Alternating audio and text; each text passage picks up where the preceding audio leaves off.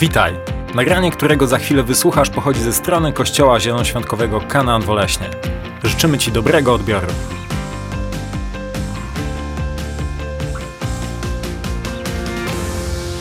Okej, kochani, y, mam taką refleksję, że wszystko, co jest w naszym życiu, tak łatwo deklarowane, nabiera dopiero w sensu, w sensu wtedy, kiedy jest testowane. Wierność w małżeństwie nabiera prawdziwego sensu, kiedy jest to testowane. Wierność Bogu nabiera sensu wtedy, kiedy jest to testowane. Łatwo jest ogłaszać gdzieś pewne rzeczy. I Psalm 34 jest zatytułowany w taki sposób: Psalm Dawida, gdy zmienił swoje zachowanie przed Abimelekiem i wypędzony przez niego odszedł. Dawid był namaszczonym królem w Izraelu, powstał potężny bunt przeciwko Dawidowi. Chciano go zabić i doprowadziło go to do tego stopnia, doprowadziło go to do tego stopnia, że Dawid po prostu zaczął udawać obłąkanego człowieka. To jest niezwykłe. Zaczął udawać kogoś obłąkanego i mówi, i, i napisał Psalm 34, który zaczyna się tak: Będę błogosławił Pana w każdym czasie a Jego chwała zawsze będzie na moich ustach. Moja dusza będzie się chlubić Panem, a pokorni to usłyszą i rozradują się. Uwielbiajcie Pana ze mną i wspólnie wywyższajmy Jego imię. Szukałem Pana, a On mnie wysłuchał i uwolnił od wszystkich moich trwóg. Uwielbienie jest testowane, kiedy jest źle. Kiedy jest dobrze, to jest żaden problem uwielbiać Boga, prawda? Kiedy wszystko się zgadza, kiedy wszystko jest fajnie, kiedy Bóg działa. Fajnie jest wtedy uwielbiać Boga, ale trudno się uwielbia Boga, kiedy jest ciężko. Trudno się uwielbia Boga, tak jak tutaj jest sytuacja z Dawidem, który udawał obłąkanego przez Abimelekiem. Trudno wtedy, trudno wtedy uwielbia się Pana Boga. Dawid był człowiekiem według Bożego serca. Amen. I dla mnie to jest odkrycie. Będę o tym mówił, nie będę mówił o Dawidzie, ale jest to dla mnie odkrycie. To, co zauważyłem w życiu innego człowieka, który też, Biblia o tym nie mówi, ale w jakimś stopniu był człowiekiem według Bożego serca. I dobra wiadomość jest taka, że każdy może być człowiekiem według Bożego serca. To jest Twoja decyzja. To nie jest to, że Bóg predestynuje kogoś, że ty będziesz człowiekiem według Bożego serca, a ty nie. Bóg tak nie działa. Są ludzie, którzy są ludźmi według Bożego serca. I są ludzie, którzy nie są ludźmi według Bożego serca. I teraz my bardzo często myślimy, że człowiek określa, że człowiek określa to, czy ktoś jest według Bożego serca, czy nie jest według Bożego serca, my to określamy na zasadzie, że Bóg patrzy w głąb i on gdzieś tam w środku widzi, no, on się dziwnie tu czasami zachowuje, dziwne rzeczy tu są w jego życiu, dziwne, ale to jest człowiek według Bożego serca. Człowiek według Bożego serca ma pewne cechy w swoim życiu i zachowuje się w swoim życiu w taki sposób, czego często nie widać, często tego w ogóle nie ludzie nie widzą, Bóg to widzi i takich ludzi, kiedy Bóg widzi pewne cechy, takich ludzi Bóg nazywa człowiekiem według Bożego serca. I w tym tygodniu Bóg poruszył mnie całą historią z Gedeonem. Znana historia, opowiada się ją często dzieciom. To jest niezwykła historia, która mówi o czymś więcej niż o historii, że mamy kogoś tam, kogo Bóg powołał, Bóg coś zobaczył w Gedeonie takiego, że go uwolnił do tego, pokonał Midianitów i tak dalej. Ta historia mówi o czymś więcej. Ta historia mówi też o mnie. Ta historia mówi też o tobie. I wierzę, że jeśli będziesz szczery dzisiaj, nie zakładaj, nie zakładaj, że wszystko jest ok i nie zakładaj, że wszystko jest źle. Ale wierzę, że są pewne rzeczy w naszym życiu, są pewne rzeczy w moim życiu, które są do korekty które są do zmiany. I chciałbym, żebyś nie patrzył dzisiaj na lewo i prawo, ale żebyś patrzył na siebie. Ok? Może być taki układ? Księga Sędziów, szósty rozdział, wersety 11 do 17. Ponadto anioł Pana przybył i usiadł w Owsze, pod dębem Joasza Abie Zryty. Jego syn Gedeon wyklepywał właśnie w tłoczni winnej pszenicę, chcąc ją ukryć przed Midianitami. Wtedy ukazał mu się anioł Pana i tak przemówił do niego: Pan z tobą, dzielny wojowniku. Gedeon odpowiedział: Za przeproszeniem, mój panie, jeśli pan jest z nami, to dlaczego nas to wszystko spotkało? Gdzie są te wszystkie jego cuda, o których opowiadali nam nasi ojcowie? Powtarzali, czy to nie pan wywiódł nas z Egiptu? Teraz pan porzucił nas i wydał w szpony Midianu. Wówczas pan zwrócił się ku niemu. I to jest najdziwniejszy fragment całej historii o Gedeonie. To, co wam teraz przeczytam, albo już widzicie, jest najdziwniejszym fragmentem w historii o Gedeonie. Ja nie potrafiłem tego zrozumieć aż do tego tygodnia. W ogóle mówię, o co tu chodzi w ogóle? Gedeon siedzi, chowa się gdzieś tam w tłoczni, ubija pszenicę, pojawia się anioł, który mówi do niego, zaczyna mu Gedeon zadawać pytania, panie, ale gdzie to wszystko jest? Gdzie te wszystkie cuda, które się wydarzyły w Egipcie. I nagle jest tekst, który jest no, niezrozumiały. Wówczas Pan zwrócił się ku niemu: idź w tej swojej mocy i wybaw Izraela spod władzy Midianu. W jakiej mocy? W jakiej mocy? W mocy ubijania pszenicy w tłoczni? W mocy chowania się? W jakiej mocy? I tutaj dotyka mnie jedna potężna rzecz, która napawa mnie bojaźnią przed Bogiem. Że Bóg nawet obserwuje Cię w biedronce. Że Bóg nawet obserwuje mnie w biedronce. Bóg obserwuje mnie, kiedy śpię. Bóg obserwuje mnie, kiedy się budzę. Bóg obserwuje w moim życiu absolutnie wszystko, ponieważ moje zachowanie jest niczym innym, jak odbiciem tego, co jest w moim sercu. W jakiej mocy miał iść Gedeon? O co tutaj chodzi? To, to jest jakby takie, masz takie wrażenie, że takie trochę bez sensu? Nie? Trochę więcej niż bez sensu. Idź w tej swojej mocy i wybaw Izraela spod swojej Midianu. Czyż cię nie posyłam? Lecz Gedeon zapytał za przeproszenie, mój panie, czy mam wybawić Izraela? Zauważ, że mój ród jest najbiedniejszy wśród Manasesytów, a jestem najmłodszy w domu mojego ojca. Pan jednak zapewnił go, ponieważ ja będę z tobą, pobijesz Midianitów. Co do jednego, Gedeon wciąż był niepewny. Proszę, powiedział, jeśli znalazłem łaskę w twoich oczach, to daj mi jakiś znak, że ty to rozmawiasz ze mną. O jaką moc chodzi, kochani?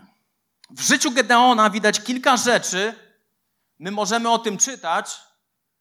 Prawdopodobnie nikt nie widział tego, co było w sercu Gedeona, co, co było w sercu Gedeona, tylko widział to Bóg, który posyłając swojego anioła powiedział: Pan z tobą, mężu waleczny. Jakie cechy były w życiu Gedeona, które spowodowały, że Gedeon go powołał.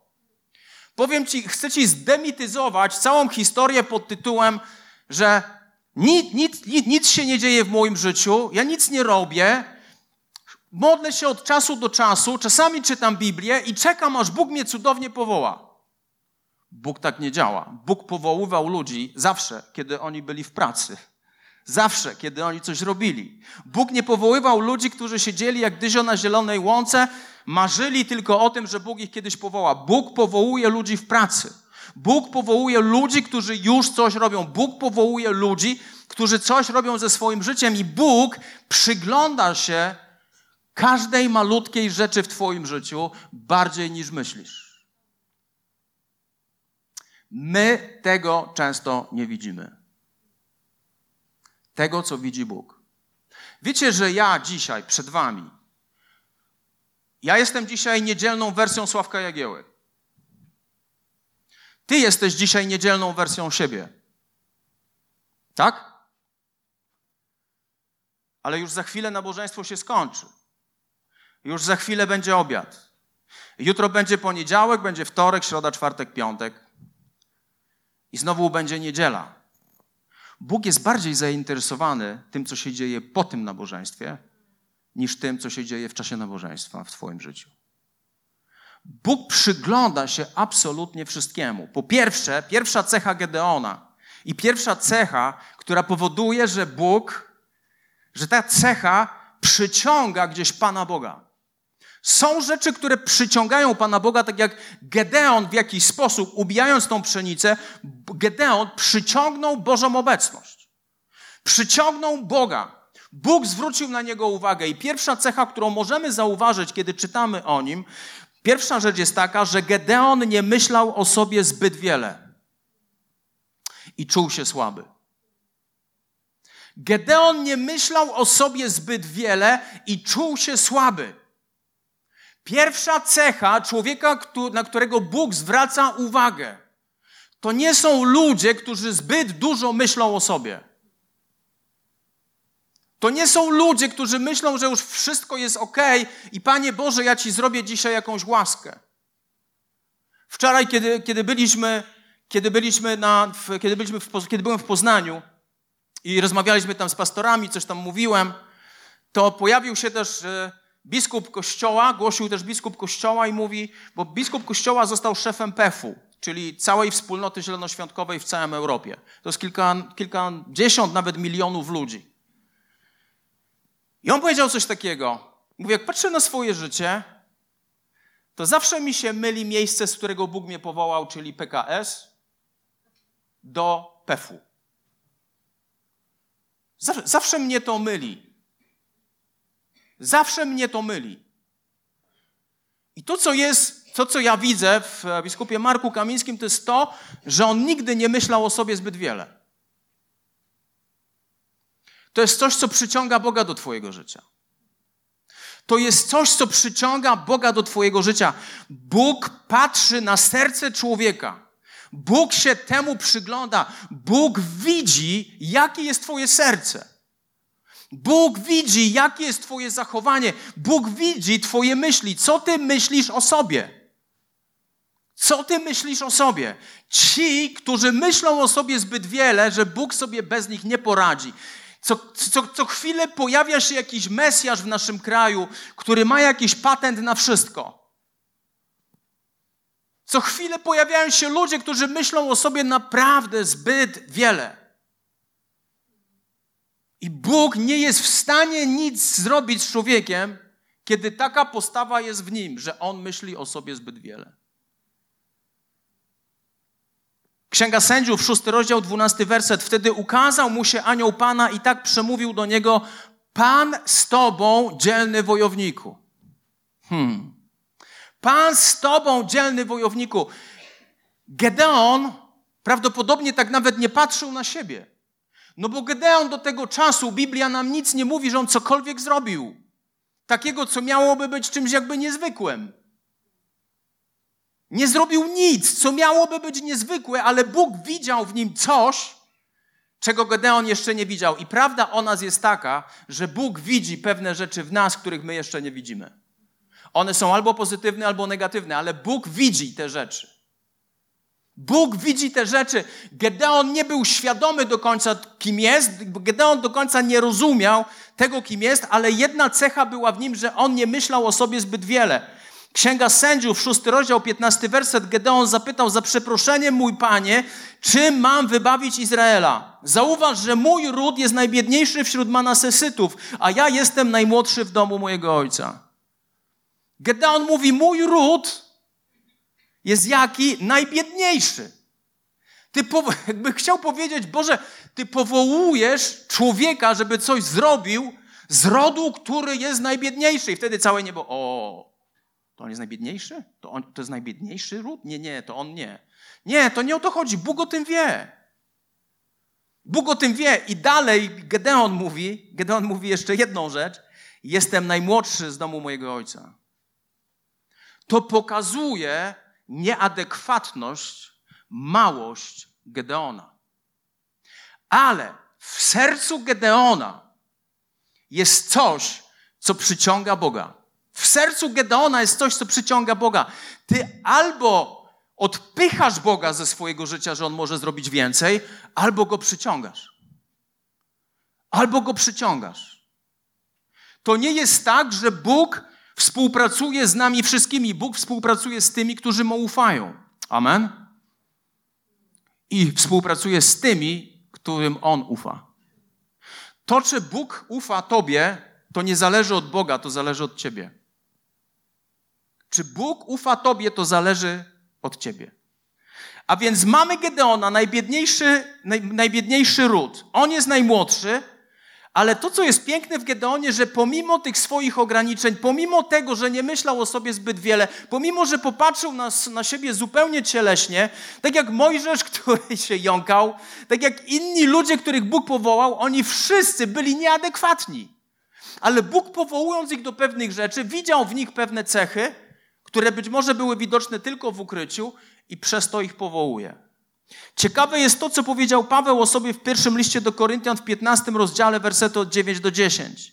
Ja bowiem jestem najmniejszy z apostołów. To jest coś, co mówi apostoł Paweł. Napisał większość listów w Nowym Testamencie napisał Paweł. Paweł założył tyle kościołów w pierwszym czasie, że trudno to w ogóle zrozumieć. Paweł był wykształconym człowiekiem, mówił kilkoma językami, był wykształcony w najlepszej szkole rabinistycznej, w jakiej mogłeś się wtedy wychować.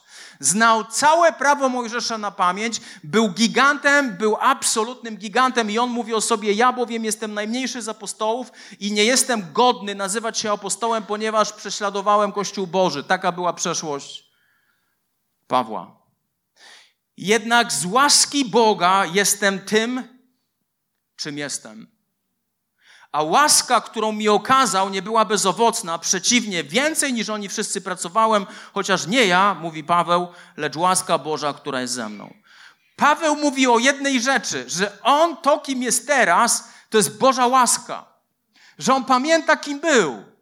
Pamięta, że nie był, to nie była naj, najbardziej adekwatna osoba do robienia pewnych rzeczy. On pamięta, kim był, ale mówi: Bóg po prostu dotknął mojego życia i z łaski Boga jestem tym, kim jestem. Paweł w drugim liście do Koryntian, 12 rozdziale i 10 wersecie Biblia mówi tak: Dlatego chwalę sobie słabości, zniewagi, potrzeby, prześladowania i uciski dla Chrystusa, bo kiedy jestem słaby, wtedy jestem mocny. Widzisz, czy ty masz świadomość, że kiedy jesteś słaby, to wtedy jesteś mocny. Wiesz, dlaczego tak jest? Bo wtedy przestajesz polegać na sobie. Jeśli myślisz poważnie o Bogu, jeśli Bóg myśli poważnie o tobie, to będziesz prowadzony do miejsc, kiedy przestaniesz, przestaniesz polegać na sobie i zaczniesz polegać na Bogu. Bóg jest w stanie stworzyć takie scenariusze w twoim życiu, że nie będziesz miał wyjścia. Bóg tworzy scenariusze czasami w naszym życiu takie, że nie mamy wyjścia. I wtedy polegamy całkowicie na Bogu. Ale powiem Ci jedną rzecz. Bóg nie, nie chce robić scenariuszy w Twoim życiu, abyś na nim polegał. Bóg chce, abyś tak żył. Każdego dnia, abyś całkowicie polegał na nim. Bóg chce uzależnić nas od Niego. Bóg chce, abyśmy mieli świadomość, że bez Niego nic nie możemy zrobić. I pierwsza cecha Gedeona jest taka, że on wiedział, że jest słaby. On wiedział, że kim on w ogóle jest, że przychodzi do niego anioł. Kim on, kim on w ogóle jest? Najmłodszy ze swojego rodu, a jego ród jest najbiedniejszy. Kim on w ogóle jest? Bóg kocha zawstydać świat ludźmi, którzy w tym świecie są nikim. Ludzi, ludźmi, którzy byli w beznadziejnej sytuacji, ludzi, ludźmi, którzy mieli fatalną przeszłość.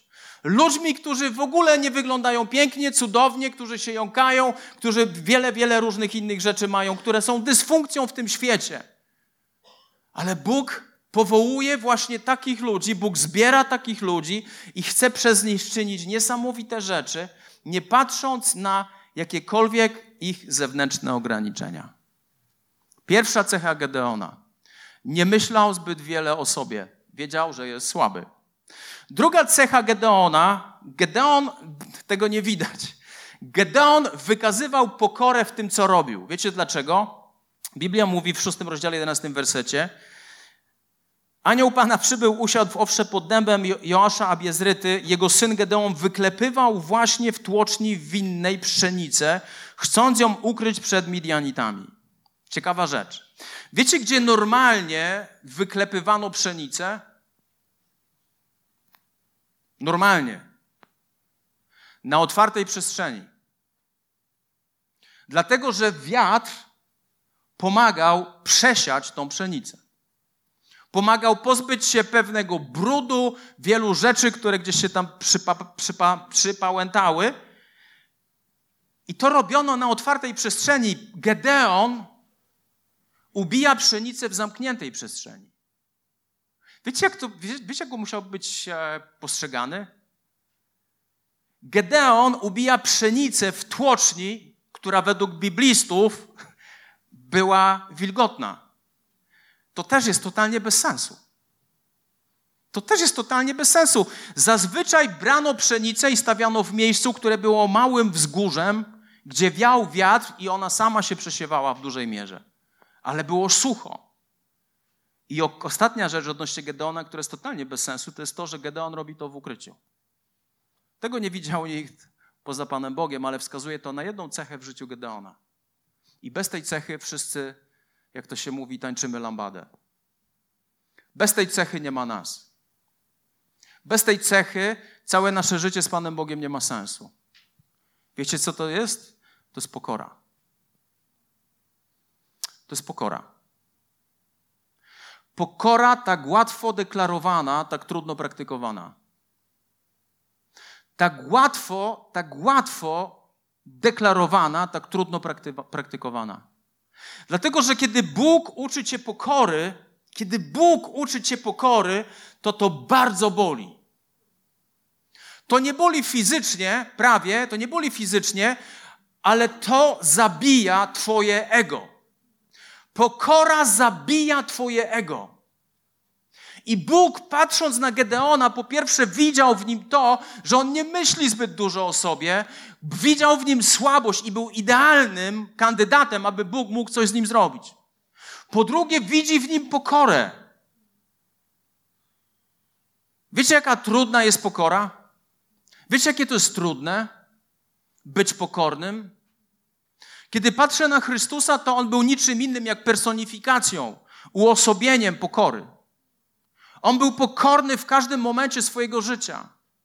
On był pokorny nawet kiedy umierał na krzyżu. On był pokorny, kiedy cierpiał. W nim było mnóstwo pokory. Popatrz na siebie, nie patrz na innych. Kiedy mówisz o pokorze, to odzywa się pycha, która szuka pychy w innych. Skup się na sobie. Skup się na sobie. Skup się na sobie. Pierwsza, pierwszy list Piotra, piąty rozdział, szósty werset. Uniszcie się przed mocną ręką Boga, aby was wywyższył w swoim czasie. Jeden werset. Każdy chce wywyższenie przez Boga. Wow. Wiecie, kiedy Bóg cię wywyższa, kiedy Bóg cię wywyższa, to Bóg zrobi wszystko, aby cię trzymać w tym miejscu wywyższenia. Kiedy ty sam siebie wywyższasz i stawiasz siebie w miejscu wywyższenia, to musisz robić wszystko, aby utrzymać się w tym miejscu wywyższenia. W jaki sposób Bóg nas wywyższa? Bóg nas wywyższa w momencie, kiedy uniżamy się pod mocną ręką Boga. Dlaczego, dlaczego Piotr mówi mocna ręka Boga w tym momencie? Dlatego, że kiedy my jesteśmy uczeni pokory, to jest to, jakby ktoś wrzucił ciężar na Twoje ciało, na Twoje serce i Cię gniótł. I Cię gniótł. Ale jeśli uniżysz się przed mocną ręką Pana Boga, to Bóg cię wywyższy w swoim czasie. To jeszcze wszystko zabiera czas. To jeszcze wszystko zabiera czas. Musimy nauczyć się pokory, musimy nauczyć się uniżać, musimy, nau musimy nauczyć się, aby być pierwsi, aby przepraszać. Pierwsi aby milczeć. Pierwsi, aby rozwiązywać konflikty. Pierwsi w naszych małżeństwach nie czekać, nie, nie, nie. Mamy ciche dni. Macie paranoja, a nie ciche dni. Ktoś zawsze musi wyjść pierwszy. Ktoś zawsze musi wyjść pierwszy. Pokora uczy tego, pokora chce od ciebie tego, że jesteś pierwszy, aby przeprosić. Jesteś pierwszy aby przebaczyć. Jesteś pierwszy, aby szukać pojednania. Przypowieści Salomona, 15 rozdział, werset 33. Bojaźń Pana to szkoła mądrości, a pokora poprzedza chwałę. Zauważcie jedną rzecz. W jednym fragmencie pokora jest nagradzana. Pokora jest nagradzana. Pycha jest karcona, ale pokora jest nagradzana. Ci, którzy się uniżą, Bóg ich wywyższy w swoim czasie. I dalej Salomon mówi, że bojaźń Pana to szkoła mądrości, a, pokorę, a pokora poprzedza chwałę. Czyli najpierw jest pokora, a potem przychodzi chwała. Jeśli chcesz wywyższenia przez Boga, ja, ja nie chcę ludzkiego wywyższenia, ja chcę tego, żeby Bóg mnie wywyższył. Jeśli ktokolwiek ma mnie wywyższać, to nie ja sam, nie jakiś człowiek, ale niech Bóg mnie wywyższy. Bo tylko wtedy to ma sens. Tylko wtedy to ma sens. I pokora poprzedza chwałę i jest ściśle, zauważcie, pokora jest ściśle połączona z bojaźnią Pana. Bardzo często, kiedy Biblia mówi o pokorze, mówi o bojaźni Pana, o bojaźni przed Panem. To jest coś, co moim zdaniem jest zaniedbane w Kościele Jezusa Chrystusa, że nie mamy bojaźni przed Bogiem. John Bivier opowiadał historię. Był w Brazylii, głosił kazanie. Miał głosić kazanie, duża konferencja, kilka tysięcy ludzi. Przyjechał na tą konferencję i nagle wchodzi, a w czasie uwielbiania, to była konferencja liderów, pastorów, wszyscy siedzą na komórkach. Mówi, prawie wszyscy siedzą na komórkach. Jest uwielbienie, a oni prawie wszyscy siedzą na komórkach. I siedzą tak na tych komórkach i tak John Bivier patrzy na to wszystko. O co tu chodzi w ogóle? On uwielbiał Pana Boga i Duch Święty zaczął do niego bardzo konkretnie mówić. Chcę, żebyś to skonfrontował. Jest taka dynamika, jeśli ktoś zaprasza cię jako gościa, żebyś gdzie coś tam mówił, to nie po to, żebyś teraz się zaczął wymądrzać, musisz uszanować tych, którzy cię zaprosili. Musisz ich uszanować. I John Bevere słyszy, jak Duch Święty mówi do niego, chcę, żebyś zaadresował ten brak bojaźni przede mną. I John Bevere się zmagał, zmagał, zmagał, zmagał w czasie uwielbienia, w końcu wyszedł i zaczął konkretnie mówić, zaczął zmienił kazanie i zaczął mówić o bojaźni przed Bogiem, o szacunku do Boga, o szacunku do Boga. Kiedy zaczął mówić o szacunku do Boga, czuł, jak Duch Święty mówi do niego: Czekaj, a ja zaraz tutaj przyjdę. Parafrazuję. I nagle pojawia się potężny ogień, nie ogień, wiatr, który przewiewa całe audytorium. Ludzie zaczynają płakać, ludzie padają na, padają na kolana, zaczynają pokutować przed Bogiem, zaczynają pokutować przed Bogiem, wo- wołać do Boga o przebaczenie, że nie szanują Bożej bojaźni. Minął jakiś czas i Bóg mówi: Przychodzę jeszcze raz, ale inaczej. I w tym momencie, w tym momencie pojawiłaś, pojawił się dźwięk, potężny dźwięk potężnego wiatru, jakby, jakby samolot przeleciał nad tą halą i siła silników po prostu dotykała każdej osoby, która tam była. Trwało to kilka, kilkanaście minut i, i w tym momencie, kiedy to się stało, wszyscy ludzie zaczęli pokutować i wołać do Boga: Panie, nie, nie szanujemy Twojej obecności. Sprowadziliśmy Twoją obecność do rzeczy zwyczajnych. Sprowadziliśmy traktowanie Ciebie do rzeczy zwyczajnych. To wszystko się wydarzyło i później John Bivier się dowiadywał, czy jest tu lotnisko jakieś, bo to był jak dźwięk samolotu. Okazało się, że tu nie ma żadnego, żadnego lotniska. Tu nie ma żadnego lotniska. Po prostu Bóg przyszedł, mocny Bóg, przyszedł w potężny sposób. Widzisz, Bóg jest Bogiem, że z jednej strony jest naszym tatą, a z drugiej strony jest mocnym Bogiem. To nie koliduje. To nie koliduje. I Bóg ze swoim ludem postępuje jako ojciec, ale jako mądry ojciec. Czasami ten mądry ojciec musi wstrząsnąć Twoim światem, abyś zrozumiał pewne rzeczy, abyś przestał, przestał biec w złym kierunku. Bojaźń przed Bogiem i pokora bardzo często idą w parze. Przypowieści Salomona, 22 rozdział, werset 4. Nagrodą za pokorę I bojaźń Pana jest bogactwo, cześć i życie. Wow! Nagrodą za bojaźń przed Bogiem, nagrodą za pokorę jest co? Bogactwo, cześć i życie. My często lubimy mówić o bogactwie, często lubimy mówić o czci, że ktoś nas czci, ktoś nam okazuje szacunek i chcemy mówić o dobrym życiu. I Salomon mówi: OK, ale żeby te rzeczy się stały,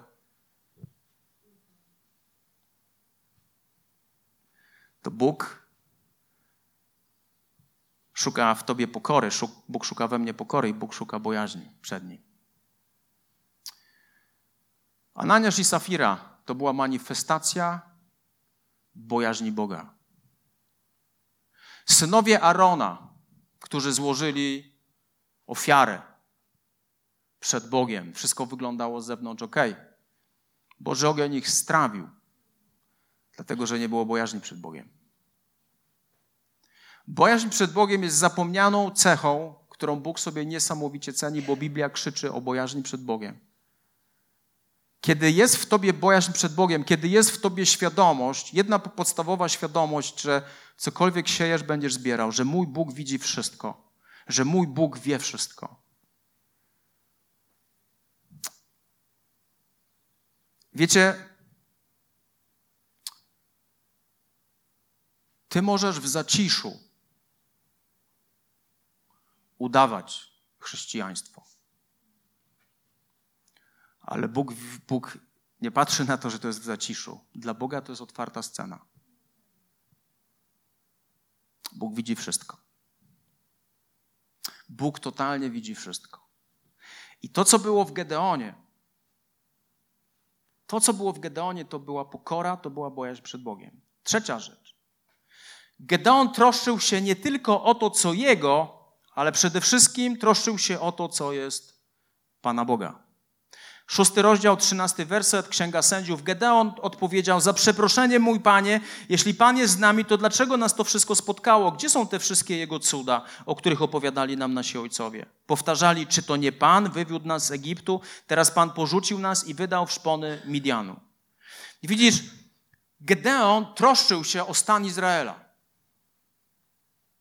On nie troszczył się, on nie mówił, ja tu muszę ubijać pszenicę w zamknięciu, ja tu siedzę, naj, naj, najmłodszy, najbiedniejszy ród, ja tu siedzę, wszyscy mnie opuścili, ja tu siedzę, ubijam pszenicę. Nie. Gedeon mówi, Boże, gdzie jesteś? Gdzie jesteś? Ty kiedyś zatroszczyłeś się o nas. Zobacz, w jakim miejscu my jesteśmy. Zobacz, że Midianici panują nad nami. Zobacz, że jesteśmy w niewoli. W Gedeonie było coś, co widział tylko Bóg. Jemu zależało na Bożym ludzie. Jemu o wiele bardziej zależało na Bożym ludzie niż na sobie samym. Jemu zależało na tym, aby ocalić lud, nie ze względu na jego dobre samopoczucie, ale ze względu na to, że był w stanie nawet umrzeć, aby ocalić Izraela. Aby się poświęcić, bo tam później pokazuje Biblia, że Gedeon poszedł za wszystkim że on poszedł za Bogiem. Mimo tego wszystkiego, że czuł się słaby, mimo tego wszystkiego, że czuł się upodlony, mimo tego wszystkiego, gdy on poszedł za tym, co powiedział mu anioł Pana, żeby zrobił. Dlaczego? Bo zależało mu bardziej. To jest, to, to jest konfrontujące. Na czym ci bardziej zależy? Na tym, co jest jego, czy na tym, co jest twoje? List do Filipian, drugi rozdział, wersety od 20 do 21. Paweł w taki sposób mówi o Tymoteuszu. Nie mam nikogo, kto by myślał podobnie jak on, kto by tak rzetelnie mógł się wami zająć. Paweł mówi dwa tysiące lat temu. Wszyscy inni krzątają się wokół własnych spraw, a nie spraw Chrystusa Jezusa. Uu, bardzo, bardzo konfrontujące. Gedeon i Tymoteusz mieli taką cechę, że byli zainteresowani bardziej Bożym Królestwem, bardziej Jego rzeczami, aniżeli swoimi. Dlatego Biblia mówi, szukajcie wpierw Królestwa Bożego, Jego sprawiedliwości, a wszystko będzie wam dodane. Dlatego Biblia mówi, jeśli zajmiesz się moimi sprawami, ja zajmę się twoimi sprawami. Pamiętam, jak mieliśmy z Krysią w naszej rodzinie taki czas. Od wielu lat wspieramy dzieci w Compassion. Compassion to jest taka organizacja, która, która pomaga dzieciom w Afryce, w, w Ameryce Łacińskiej. Karmi ich, wysyłasz tam 30 kilka dolarów co miesiąc i, i te dzieci mają edukację, te dzieci mają ciuchy i tak dalej, i tak dalej, mają jedzenie, są, mają utrzymanie. I pamiętam taki czas, kiedy, hmm, kiedy finansowo w naszej rodzinie było bardzo, bardzo ciężko. To nie trwało tydzień, to nie trwało miesiąc, to trwało latami. Żyliśmy totalnie, totalnie na styk. Totalnie na styk. I pamiętam taki moment, kiedy to, kiedy nasz Tymoteusz, nasza Madzia, nie, Filipa chyba jeszcze nie było wtedy, a poszliśmy do sklepu. Kiedy byłem w tym sklepie, nie wiem, Tymek czy Madzia złapali za banana, a ja wiedziałem, że nas nie stać. A ja wiedziałem, że nas nie stać. I ja powiedziałem, y, nie, nie, dzisiaj nie. Dzisiaj nie bierzemy tego, tego banana. Nie, nie, wiesz, nie, dzisiaj nie, nie mam tyle pieniędzy przy sobie. Tak de facto to nie mam w ogóle pieniędzy na to. A oni o tym nie wiedzieli. Wzięliśmy do domu, wspieraliśmy już wtedy Compassion. Wysyłaliśmy już wtedy pieniądze na chyba dwójkę dzieci. To było 64 dolary wtedy, to było dużo pieniędzy. I ja mówię, Boże, to jest jakiś paradoks. Ja wysyłam te pieniądze na Compassion, ja nie, mam, nie, nie mogę banana dziecku kupić. To boli. Panie Boże, to boli.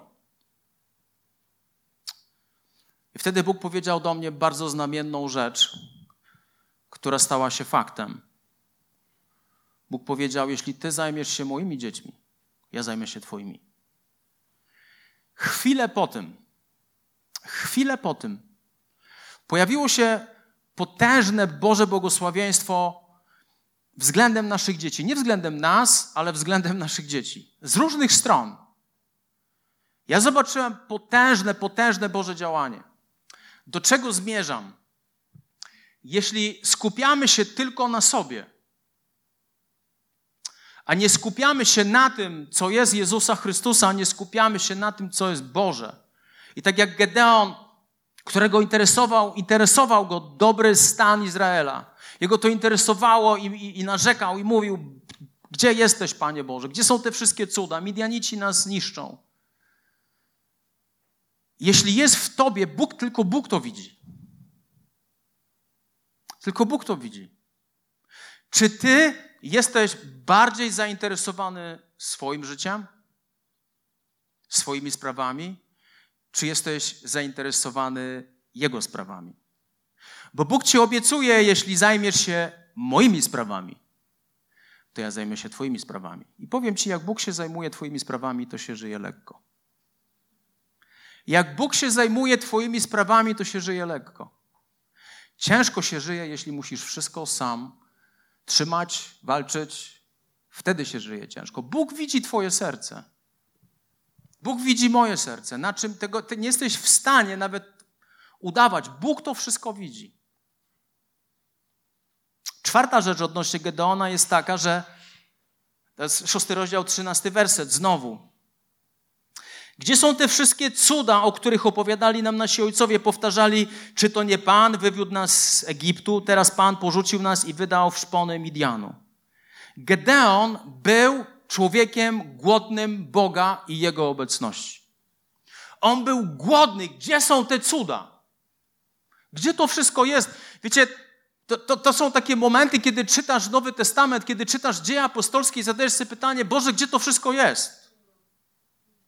Możesz skończyć na pytaniu, gdzie to wszystko jest, a możesz zacząć szukać, aby znaleźć, gdzie to wszystko jest. Ja chcę być człowiekiem, który jest głodny Boga, nie głodny zakładania kościołów. Ja chcę być człowiekiem, który jest głodny Boga, głodny Jego obecności. Głodny Jego obecności, głodny Jego chwały, głodny Jego cudów, głodny Jego mocy, głodny Jego działania, głodny przede wszystkim Jego obecności. Ja chcę być człowiekiem, który chce być głodny Jego. Bo to przyciąga Bożą obecność, bo kiedy szukasz Jego tylko, tylko po to, aby znaleźć Jego, to Bóg to kocha. Bóg nie szuka relacji z Tobą takiej biznesowej. Ja Tobie to, a Ty mi to. To Bogu nie o to chodzi. Jasne, że te rzeczy działają. Jasne, że to, co siejesz, będziesz zbierał. Jasne, że te rzeczy działają. Ale Bóg chce szukać, Bóg chce, żebyś go szukał dla Niego. I tylko i wyłącznie dla Niego. To właśnie Mojżesz w drugiej księdze Mojżeszowej powiedział jedną rzecz. Panie, pokaż mi Twoją twarz, a mi wystarczy. Pokaż mi Twoje oblicze, a to wystarczy. I Bóg schował Mojżesza żeby, nie, żeby, żeby ta Boża chwała nie zabiła. Totalna świętość, żeby nie zabiła Mojżesza, człowieka Starego Testamentu. Bóg, Bóg ukrył Mojżesza, ale jego chwała, jego dobroć przeszła przed Mojżeszem. Pragnienie Mojżesza było jedno: Panie, pokaż mi swoją twarz. Jeśli nasza modlitwa to jest tylko i wyłącznie prośba o problemy, prośba o trudne sytuacje, prośba o pewne rzeczy, Bóg mówi: spróbuj inaczej. Zacznij szukać mnie dla mnie.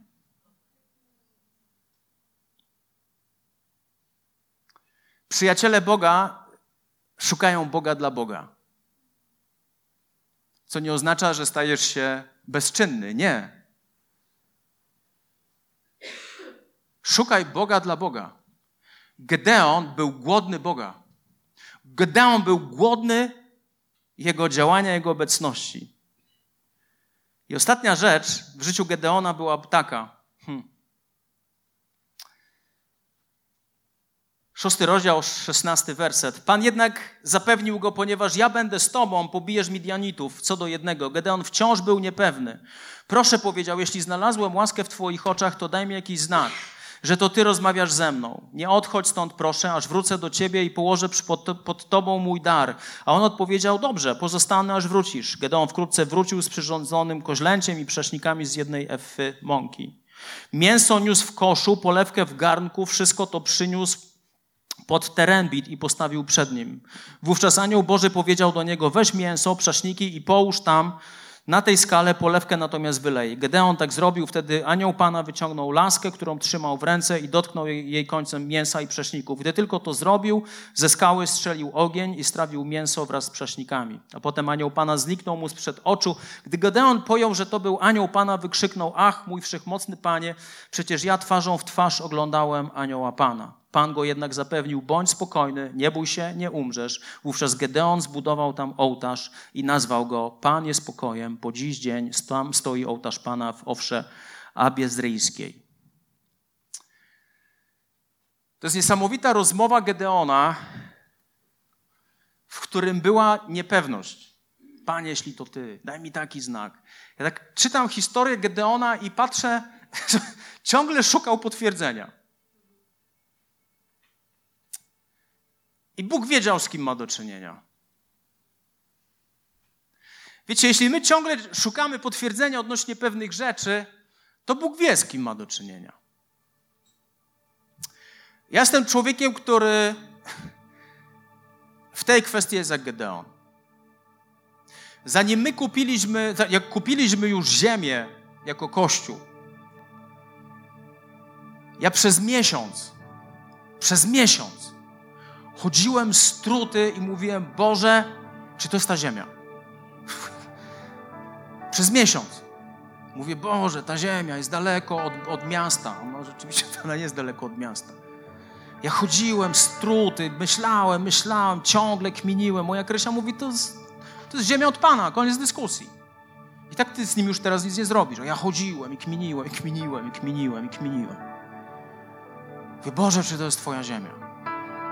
I zacząłem wołać do Boga, mówię, Boże, jak my tam będziemy, to ludziom będzie tam trudno dojść, bo przejście przez tą ulicę jest niebezpieczne. Wtedy Bóg wprowadził mnie w konwersację. Sławku, a kto nawrócił się jak byliście w centrum miasta, kto nawrócił się z tego powodu, że byliście w centrum miasta? Jak Bóg zadaje ci pytanie, to, to, to nie to, że On nie wie. Ja mówię, no, uff, zaczynam wymieniać. Cisińscy,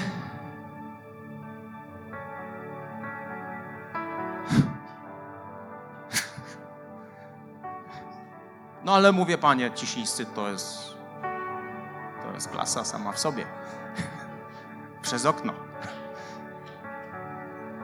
Tylko nie mogłem już nikogo innego znaleźć. Bóg mi mówi, nie rozumiesz, to jest ta ziemia. To jest ta ziemia, którą ci daję. Kiedy patrzę na Gedeona, to jest we mnie coś takiego, dokładnie takie kminienie, kminienie, kminienie, kminienie, to jest bez sensu. Tak jak ciągle kminisz, kminisz, kminisz, to jest destruktywne. To jest toksyczne. Ale w Gedeonie była jedna rzecz, że Gedeon pozwalał się czasami strofować aniołowi Pana. On czasami Czasami w nim coś walczyło, ale on pozwalał. Po angielsku jest takie słowo, że on był teachable, był taki reformowalny, że, że można mu było zwrócić uwagę i on nie wywoływał wojny od razu. Wiecie, że cechą, która niesamowicie deklasyfikuje i klasyfikuje nas w życiu z Bogiem, to jest to, co dzieje się z nami, kiedy Bóg zwraca nam uwagę albo ktoś nam zwraca uwagę. Wiecie, że to jest, to jest taka mało pozorna rzecz. To jest mała, drobna rzecz. Ta malutka rzecz zaorała tak wiele potencjału, a z drugiej strony doprowadziła do ludzi do tego, że rozwinęli całkowicie swój potencjał. Popatrzcie na Piotra. To nie jest to, że Piotr był, Piotr był najczęściej strofowanym uczniem Pana Jezusa. I jeszcze o tym wszystkim napisali. Jeszcze to wszystko spisali. Piotr był najczęściej, najczęściej strofowaną uczniem Pana Jezusa. Najczęściej. Nie dość, że chłop wyszedł z tej łódki, idzie po tej wodzie i przestraszył się, zaczął się topić, ale wyszedł. Pan Jezus złapie go za rękę i mówi, dlaczego zwątpiłeś? Dlaczego, dlaczego zwątpiłeś? Dlaczego jesteś taki niewierny? I Piotr był cały czas w procesie bycia ciosanym na lewo i prawo, na lewo i prawo. Był ciągle ciosany. Ale to on miał objawienie tego, kim jest Jezus. Ale to on był jednym z filarów pierwszego kościoła. Ale to jego cień uzdrawiał chorych. Ja nie, nie czytałem, żeby cień Pana Jezusa uzdrawiał chorych. Cień Piotra uzdrawiał chorych. Ale to on razem z Pawłem wywołali rewolucję w ówczesnym świecie.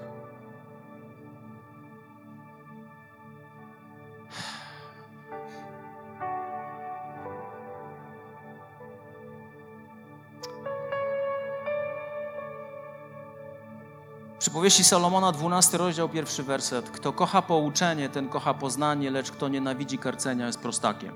To mówi Salomon. Dalej mówi Salomon, 9 rozdział 8-9.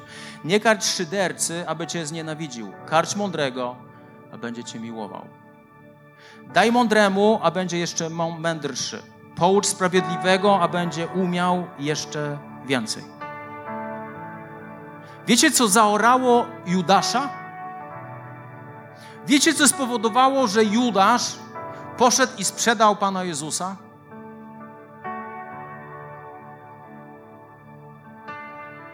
Tym zakończę. Ewangelia Marka, 14 rozdział, wersety od 3 do 10. A gdy był on w Betanii, w domu Szymona Trędowatego i siedział przy stole, przyszła niewiasta mająca alabastrowy słoik czystego olejku nardowego, bardzo kosztownego. Stłukła ten słoik i wylała olejek na głowę Chrystusa. A niektórzy mówili z oburzeniem między sobą, na cóż ta strata olejku, przecież można było ten olejek sprzedać drożej niż za 300 denarów i rozdać ubogim.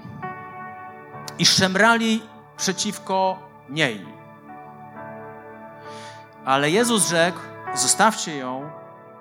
Czemu jej przykrość wyrządzacie? Wszak dobry uczynek spełniła względem mnie, albowiem ubogich zawsze macie pośród siebie i gdy zechcecie, możecie im dobrze czynić, mnie zaś nie zawsze mieć będziecie. Ona, co mogła, to uczyniła, uprzedziła namaszczenie ciała mojego na pogrzeb. Zaprawdę powiadam wam, gdziekolwiek na całym świecie będzie zwiastowana Ewangelia, będzie opowiadać, będzie opowiadać na jej pamiątkę i o tym, co ona uczyniła. Chrystus zwrócił im uwagę. I co robi Judasz? A Judasz Iskariot, jeden z dwunastu, poszedł do arcykapłanów, aby im go wydać. Dlaczego tutaj? Dlatego, że Chrystus ich skarcił. Chrystus im powiedział: Ubogich będziecie mieć zawsze ale ja jestem z Wami jeszcze na chwilę. Jestem wystarczająco długo chrześcijaninem, wystarczająco długo pracuję z pastorami, z liderami, wystarczająco długo znam ten chrześcijański świat. I to ostatnie zdanie zaorało tak wielu ludzi. Ostatnie zdanie zaorało tak wielu ludzi.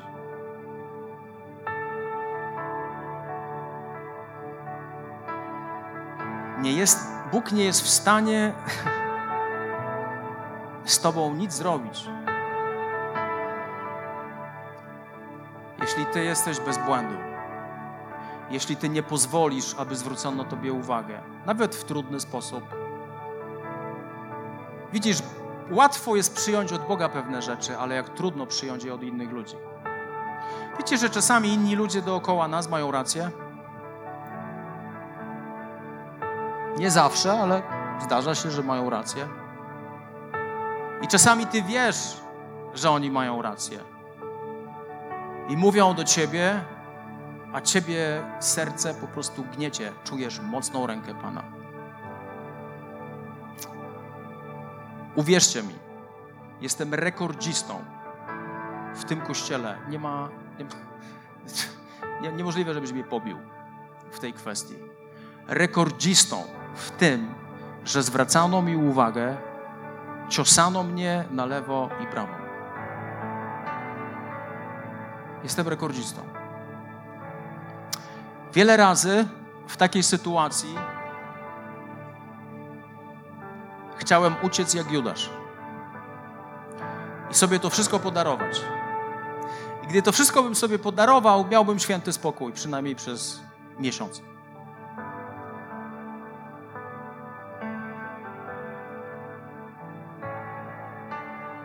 Ale później wpadłbym w jeszcze inny świat,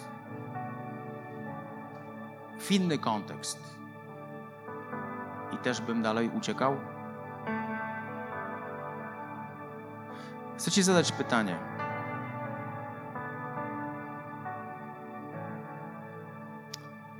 Ta ostatnia rzecz staje się pierwszą. Kim jesteś? Jakie jest Twoje zachowanie?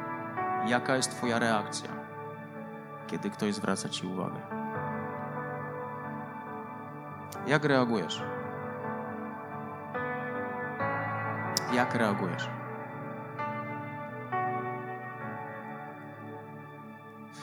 Scena jest fajna.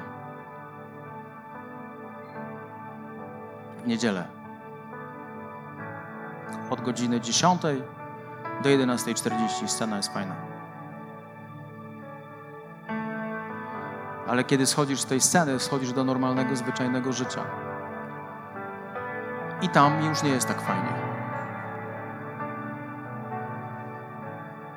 Popatrz na to, kim był Gedeon, że przyciągnął Bożą uwagę. Że Bóg zainteresował się nim, że zobaczył w nim coś, czego Gedeon nie widział.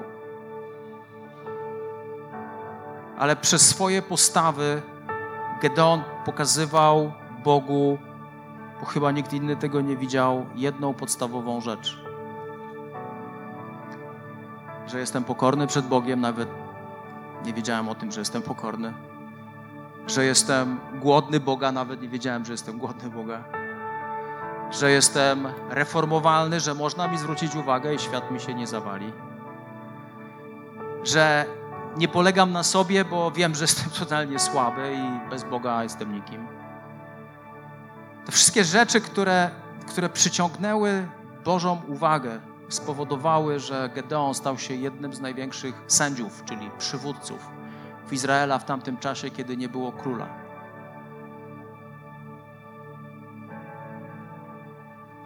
Czy Gedeon był doskonały? Absolutnie nie. Czy Gedeon wskazywał na to, że o, ten człowiek zmieni, zmieni Izrael? Absolutnie nie. Ale było coś w Gedeonie, co przyciągnęło Bożą uwagę. Ja chciał się pomodlić, nie będziemy wychodzić do przodu. Chciałbym, żebyśmy pomodlili się o taką jedną rzecz.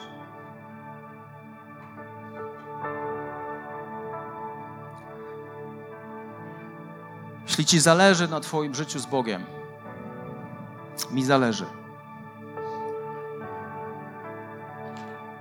I wiem, że cena pójścia za Bogiem nie jest prosta, nie jest, jest ta cena jest wysoka.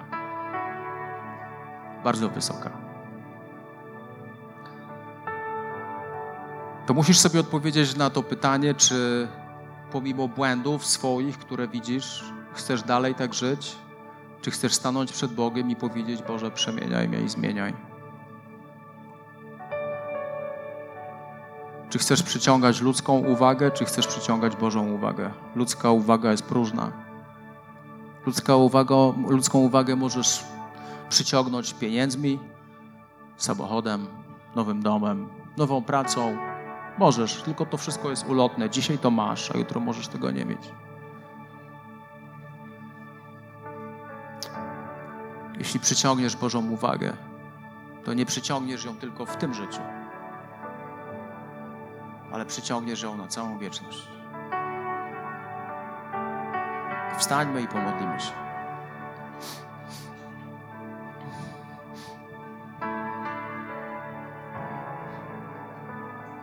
Panie Jezu, święty królu, my nie chcemy, aby nasze niewłaściwe cechy, które są w naszym charakterze, w naszym zachowaniu, odpychały Ciebie ale chcemy, żeby nasze życie przyciągało Twoją obecność, przyciągało Twoją uwagę. I chcę się modlić, Panie, o każdą osobę, która tutaj jest, o każdą osobę, która tutaj jest. Chcę się modlić, Święty Król, i prosić Cię o Twoją łaskę dla każdego z nas, abyśmy stali się ludźmi, którzy są bardziej zainteresowani tym, jaki jest Twój biznes, to, co jest Twoje, aniżeli tym, co jest nasze. Modlę się, abyś znajdował w nas pokorę. Modlę się, abyś znajdował w nas reformowalność i to, że można nam zwrócić uwagę. Modlę się, abyśmy byli ludźmi, którzy nie patrzą na, sobie, na, na siebie i nie myślą o sobie zbyt wiele. Abyśmy bardziej polegali, Panie, na Twojej sile niż na naszych talentach, zdolnościach czy czymkolwiek. Panie, niech przychodzi Twoja łaska do naszego życia. Nie wiem, Panie, co nam pokazałeś, nie wiem, co, na co zwróciłeś uwagę w naszych sercach, co musi się zmienić w naszym życiu. Ale proszę Cię o to, Duchu Święty, aby Twoja łaska, Twoje błogosławieństwo, to wszystko było, Panie, było nad naszym życiem. Błogosław każdą osobę, która tutaj jest, Ojcze, w imieniu Jezusa Chrystusa, abyśmy byli tymi, którzy nie ograniczają Ciebie przez nasze zachowanie ale żebyśmy byli tymi, którzy przyciągają Twoją obecność i żebyśmy byli ciągle i ciągle głodni więcej i więcej. Błogosław swój Kościół, Ojcze, w imieniu Jezusa Chrystusa. Amen. Witaj ponownie. Dziękujemy za wysłuchanie tego nagrania i mamy nadzieję, że pomoże Ci ono zbliżyć się do Boga. Jeśli dziś podejmujesz decyzję o zaufaniu Jezusowi i uznaniu Go Twoim Zbawicielem, to chcemy Ci pogratulować. Modlimy się o Boże działanie w Twoim życiu i zapraszamy Cię serdecznie do Kanaanu, ponieważ wierzymy, że Kościół, czyli wspólnota wierzących ludzi, to najlepsze miejsce do wzrostu i rozwoju duchowego. Szczegóły dotyczące naszych spotkań znajdziesz na stronie www.kanan.pl oraz w naszych mediach społecznościowych.